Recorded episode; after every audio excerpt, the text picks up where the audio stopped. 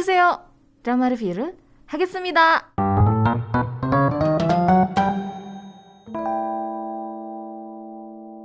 Oke, di segmen ini aku bakalan bahas satu buah drama yang tadi di awal udah aku sedikit mention ya, yaitu Love in Contract. Ini drama yang cuma bisa ditonton di Prime Video atau Amazon Prime Video ya, dan uh, ya karena sekarang aplikasi nonton online itu udah cukup banyak, jadi kayak kita nggak bisa cuma satu langganan doang. Langganan di satu platform doang kita nggak bisa. Karena ada beberapa yang kayak eksklusif cuman ada di Netflix kayak drama ini Love in Contract juga eksklusif cuman ada di Prime Video. Terus yang lain mungkin cuman ada di Disney Plus. Harus nunggu sampai tamat beres nunggu berapa lama baru muncul di platform-platform lain gitu kalau misalnya kamu pengen nonton ongoing ya mau nggak mau tetap harus uh, langganan di platform ini gitu di Prime Video ya atau di platform-platform lainnya karena ya gitu beberapa ada yang cuma muncul di Netflix ada yang cuma muncul di Apple TV ada yang muncul Disney Plus gitu. Ya dan aku mau ngingetin nontonnya di tempat yang legal ya. Jangan nonton dari yang download download ataupun misalnya kayak join di satu grup aplikasi chatting terus nonton di sana jangan nonton di situ ya guys nonton di uh, aplikasi yang benar-benar legal ya contohnya kayak Prime Video, Netflix, Disney Plus walaupun memang harus langganan tapi kita uh, setidaknya dengan cara itu kita menghargai karya orang lain ya Oke, okay, balik ke Love in Contract. Ini satu drama dari TVN sebenarnya. Cuman aku notice coba cari di channel TVN ternyata nggak ada. Mungkin terbatas hanya untuk area Korea Selatan ya, biasanya seperti itu. Kalau untuk uh, luar Korea mungkin ya mau nggak mau tetap harus nontonnya di Prime Video. Uh, drama ini didirect oleh Nam Sung Woo yang sebelumnya mendirect drama My Roommate is a Gumi Ho. Ya, ini drama yang sekarang udah cukup banyak ada di platform-platform. Kalau waktu itu kan cuma ada di IGE doang. Sekarang kayaknya di beberapa platform ada sih. Terus uh, Kong The Intern Kill It, 100 Days My Prince, kemudian Weightlifting Very Kim Bok Joo. Rata-rata aku nontonin sih kecuali Kong The Intern kayaknya aku nggak nonton sama sekali ini. Ya ini aku sama sekali nggak nonton. Sisanya yang lain uh, adalah nonton eh, awal-awal buat dibahas ya. gitu. Uh, drama ini ditulis oleh Hagudam. Episodenya ada 16. Release date-nya tuh tanggal 21 September sampai 10 November 2022 Ya, ini tuh satu drama yang cukup menarik karena di awal uh, campaignnya tuh ini drama romance komedi. Begitu ditonton episode 1 dan 2 kok kayak thriller misteri ya. Cuman begitu masuk episode ketiga kamu bakal menemukan oh ternyata benar genrenya memang komedi romance gitu. Jadi ada salah paham di episode 1 dan 2 yang bikin kita para penonton akhirnya berpikir kayaknya ini thriller deh, tapi sebenarnya bukan ya. Um, kita bahas pemeran-pemerannya dulu kali ya. Pemeran-pemerannya yang pertama ada Park Min Young berperan sebagai Choi Sang An. By the way, Park Min Young di sini tuh penampilannya sangat berubah kalau buat aku ya dan beberapa juga ada yang komentarin gitu pangling banget dia kelihatan lebih kurus cuman aku ngerasa kayak penampilannya sekarang karena lebih kurus tulang pipinya tuh kayak kelihatan banget jadi kurang fresh gitu kalau buat aku ya. jadi agak sedikit aneh gitu ngelihat Pak Min Young di drama ini. Terus uh, make upnya pun agak sedikit beda. Mungkin karena di drama-drama sebelumnya gaya dia tuh agak mirip-mirip. Aku notice sejak What's Wrong with Secretary Kim, terus dia main di Her Private Life, udah gitu When the Weather is Fine, kemudian uh, uh, Forecasting Love and Weather, itu penampilan dia nggak gitu beda jauh ya. Bahkan ada di drama What's Wrong with Secretary Kim sama Her Private Life itu kerasa mirip banget. Nah jadi di empat drama sebelumnya kan penampilan dia nggak gitu beda jauh. Begitu di drama Love in Contract ini hah beda banget jadi kerasa aneh gitu. Cuma bener beda beda banget penampilan dia tuh. Terus sebelumnya lagi dia pernah main juga di Queen for Seven Days ini drama sagek ya Udah gitu dia ada di Remember War of Sun, Healer nih drama uh, dia yang aku tontonin juga. Terus City Hunter yang bareng sama uh, Kim Tan. Terus satu lagi drama pertama dia yang aku tontonin itu adalah Song Kyung Kwan Scandal. Itu drama tahun 2010 by the way. Ya aku pertama kali nontonin dia dan langsung wah ini cantik banget aktrisnya gitu. Terus main di City Hunter bareng sama Kim Tan kan. Wow. ya itu untuk uh, Park Min Young. Kalau untuk movie, movie dia baru ada satu The Cat ini tahun 2011 tapi aku nggak nonton juga jadi aku nggak bisa bahas lebih lanjut ya. Next ada Go Gyung Pyo yang berperan sebagai Jung Ji Ho. Nah di sini nih dia uh, dia tuh jadi peran misterius gitu. Aku juga awalnya berpikir kayak dia psikopat deh. Ternyata bukan. uh, terakhir aku nontonin dia itu di Soul Vibe ya. Uh, satu movie yang bisa kamu tonton sekarang di Netflix Terus uh, kalau untuk movie lagi dia sebenarnya tahun 2022 ada tiga project uh, Soul Vibe, kemudian Six Four Five ini tapi aku nggak tahu ini apa ya. Uh, ini yang dia peranin bareng sama Lee Kyung. Ini pasti kocak sih, ada Kwak Dong Yeon juga. Nanti lah ya kalau misalnya aku udah nonton dibahas ya. Terus ada Decision to Live juga, uh, itu untuk tahun 2022 ya, project movie-nya. Kalau untuk drama, tahun 2022 ini sebenarnya dia ada dua project. Selain Love in Contract ada satu lagi itu adalah Connect di Disney Plus tayangnya. Oh ini juga satu drama yang aku tunggu-tunggu. Diperanin sama Jung Hae In sama Go Gung Pyo sama Kim Hye Jun. Ini tuh drama kelihatannya sih grace banget ya drama-drama thriller gitu kelihatannya ya nantilah kalau udah nonton aku bahas ya Terus dia uh, main juga di My Roommate is a Gumiho. Jadi salah satu karakter misterius juga di situ. Terus dia main di um, ini yang pernah aku tonton ya, uh, Jealousy Incarnate jadi second lead. Uh, terus Operation Proposal, wow ini tahun 2012. Hmm, kayaknya aku tergolong jarang nontonin dia sih.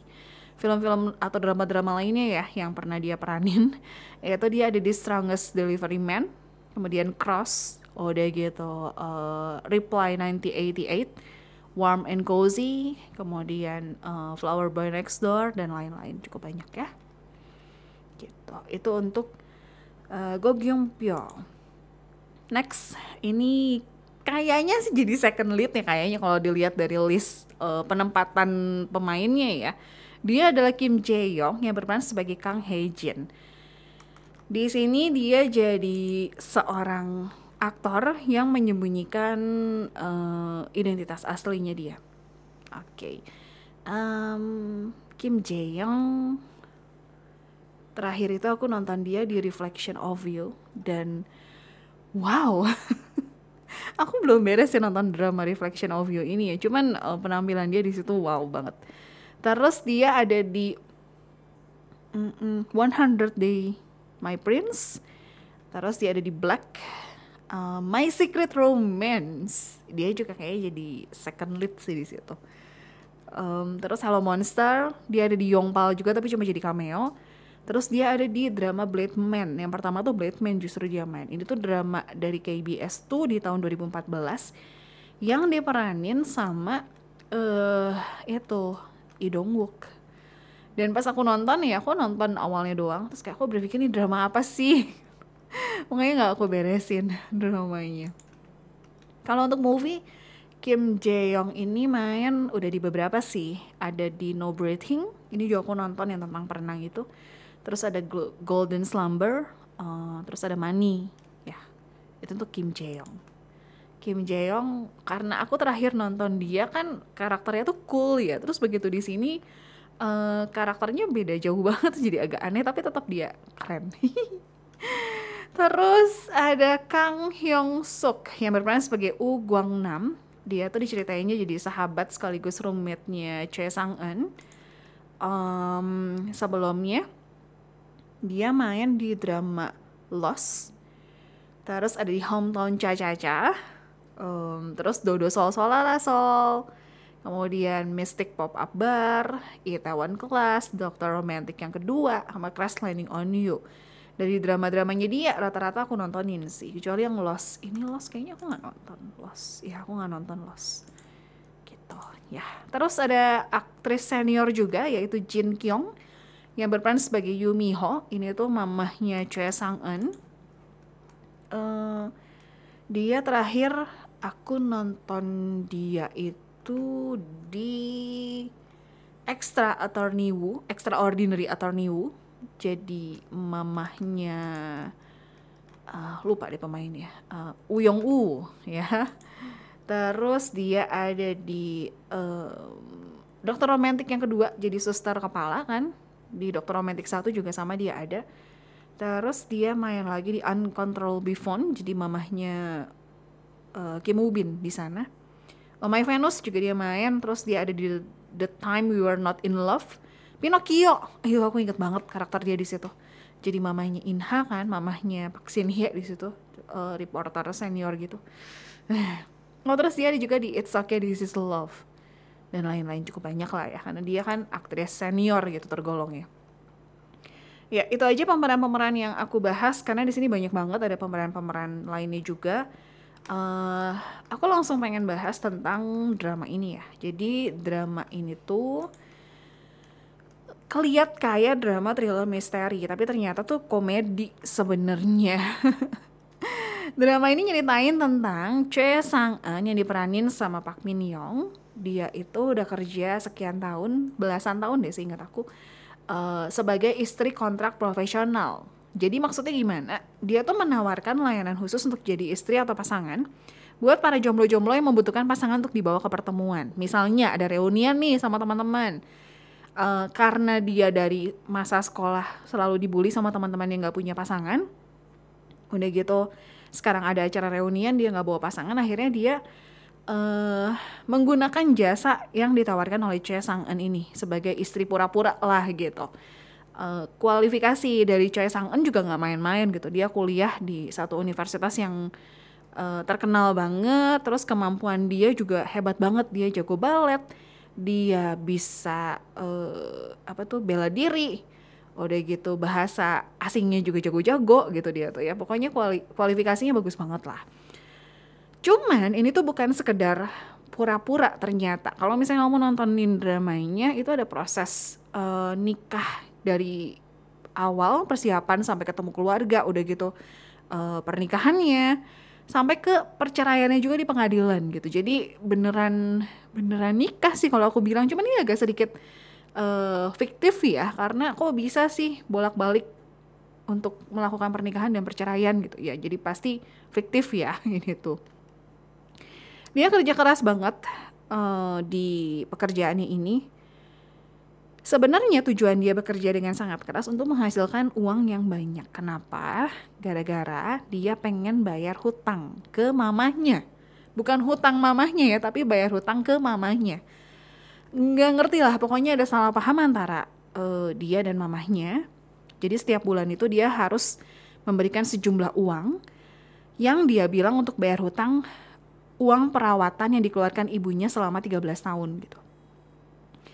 Terus hubungan dia sama mamahnya juga nggak begitu baik. Mereka cuma ketemu ketika uh, mau kasih uang itu. Terus kalau ketemu di jalan pun kayaknya mereka nggak pernah saling sapa. Jadi bener-bener sedingin itu hubungannya. Cuman aku ngelihat mamahnya tuh sebenarnya care sama dia sebenarnya. Cuman masih belum mengerti lah kenapa akhirnya mamahnya ngelakuin hal itu gitu. Sampai satu kali mamahnya minta Choi Sang Eun untuk berhenti kasih uang ke dia. Jadi begitu mau dikasih, mamanya bilang ini yang terakhir ya. Bulan depan kamu nggak perlu ngasih lagi. Gak tahu apa yang terjadi sama mamanya, tapi gelagatnya tuh agak sedikit aneh sebenarnya. Terus dia kirim kirim message gitu ke Choi Sang Eun bilang e, nomor ini nggak akan dipakai lagi dan kamu bakalan di blok gitu. Kamu nggak usah hubungin aku lagi. Intinya kayak gitu terus tiba-tiba ngilang. Mamanya aneh banget. Nonton deh. nah, Choi Sang Eun terus dia punya rencana untuk pensiun dini karena kan udah sekian belas tahun nih dia kerja sangat keras uh, dia pengen pensiun, dia pengen keluar negeri, pindah gitu untuk menjalani kehidupan yang normal. Karena di Korea sendiri sebenarnya cukup sulit ya untuk dia hidup. Kenapa? Karena uh, pekerjaan dia yang menikah dan bercerai itu uh, sampai satu kali ada gitu, beberapa kali malah. Ketika dia lagi mau melangsungkan pernikahan, terus si WO-nya atau yang uh, manajer hotelnya lah gitu ya. Karena kalau di Korea kayaknya WO tuh sekaligus manajer hotel yang ada di uh, diurusin sama hotel lah intinya gitu. Nah si pegawai hotel itu bilang kamu kan yang minggu bulan lalu nikah kan di sini kan, terus bulan-bulan lalunya juga kamu nikah di sini. Udah udah terkenal gitu dia tuh, makanya dia pengen pindah ke luar negeri. Cuman waktu dia mau pensiun ini dia tuh masih keikat satu kontrak sama Jung Ji Ho yang diperanin sama Go Gung Pyo tadi. Dia tuh laki-laki misterius yang mencurigakan. Aneh banget pokoknya gelagatnya. Terus ada satu kali uh, di episode awal dikasih lihat dia tuh lagi jalan hujan-hujanan pakai topi hitam, pakai jaket hitam, pakai celana hitam, sepatu hitam, pakai sarung tangan, terus pakai masker warna hitam. Makanya mencurigakan banget lah. Makanya aku pikir ini kayaknya genrenya bukan komedi komedi romance deh, ini kayak thriller deh. Tapi tenang, di episode ketiga bakal ketemu jawabannya. Karena aku spill ya, dia tuh sebenarnya adalah seorang hakim yang uh, ngelakuin tadi itu untuk kayak apa sih namanya untuk uji kasus lah gitu. Dia itu hakim uh, cuman dia tuh punya masalah di sosial. Dia cukup sulit untuk bersosialisasi. Makanya dia tuh digambarkan sebagai orang yang dingin yang ngomong cuma seperlunya nggak ada basa-basi straight to the point banget lagi. Udah gitu uh, dia nggak punya teman juga bahkan untuk makan aja dia selalu sendirian. Segitunya gitu dan kerjaannya ya udah gitu cuman kerja pulang kerja pulang. Udah gitu dia uh, apa ya sama tetangganya pun dingin banget gitu. Karena hal inilah pekerjaannya sebagai hakim itu terancam. Dia tuh um, hampir mau dipecat jadi hakim gara-gara masalah sosialisasinya ini jadi dia berusaha untuk memperbaiki dirinya dia konsultasi dia ikut kelas dan lain sebagainya sampai uh, menggunakan jasa istri kontrak ini gitu. Nah, di sisi lain, ya ada Kang Hye Jin yang diperanin sama Kim Jae Young. Dia itu seorang aktor yang menyembunyikan identitas aslinya. Dia sebenarnya tuh putra bungsu konglomerat di Korea Selatan yang dia nggak mau orang-orang tahu kalau dia tuh sebenarnya putra bungsu dari konglomerat itu gitu. Ternyata Choi Sang Eun dan Kang Hye Jin dulu pas mereka masih sekolah pernah ketemu. Jadi ada hubungannya. Dan Choi Sangan itu adalah cinta pertamanya Kang Hye Jin yang selama ini dia cari dan dia nyebut itu namanya Jamie. Bahkan sampai kucing peliharaannya Kang Hye Jin itu dikasih nama Jamie karena dia saking cintanya gitu sama Jamie sama Choi Sang-eun. Um, kalau misalnya kamu nonton drama ini mungkin kamu bakal ada sedikit ketawa ya senyum-senyum ada ngelihat Go Gyung Pyo nya actingnya dingin banget terus Choi Sang Eun yang harap-harap tapi uh, gengsi gitu ya. Konflik yang diangkat juga nggak gitu berat belum belum kelihatan mungkin cuma nggak akan seberat drama thriller lainnya ya. Ini pure bener-bener komedi romance aja gitu. Kamu bakalan ketawa senyum-senyum Garaget sendiri juga sama Cha Sang Eun dan uh, roommate-nya itu Ugang Guang Nam ya. Uh, interaksi mereka lumayan menghibur lah kalau buat aku ya. Apalagi ketika Choi Sang Eun-nya lagi galau-galaunya terus uh, ditemenin sama si Uguang Nam ini aduh itu kocak banget. Ya jadi itu dramanya nggak terlalu berat. Mungkin buat kamu pecinta drama romance boleh coba untuk nonton drama ini ya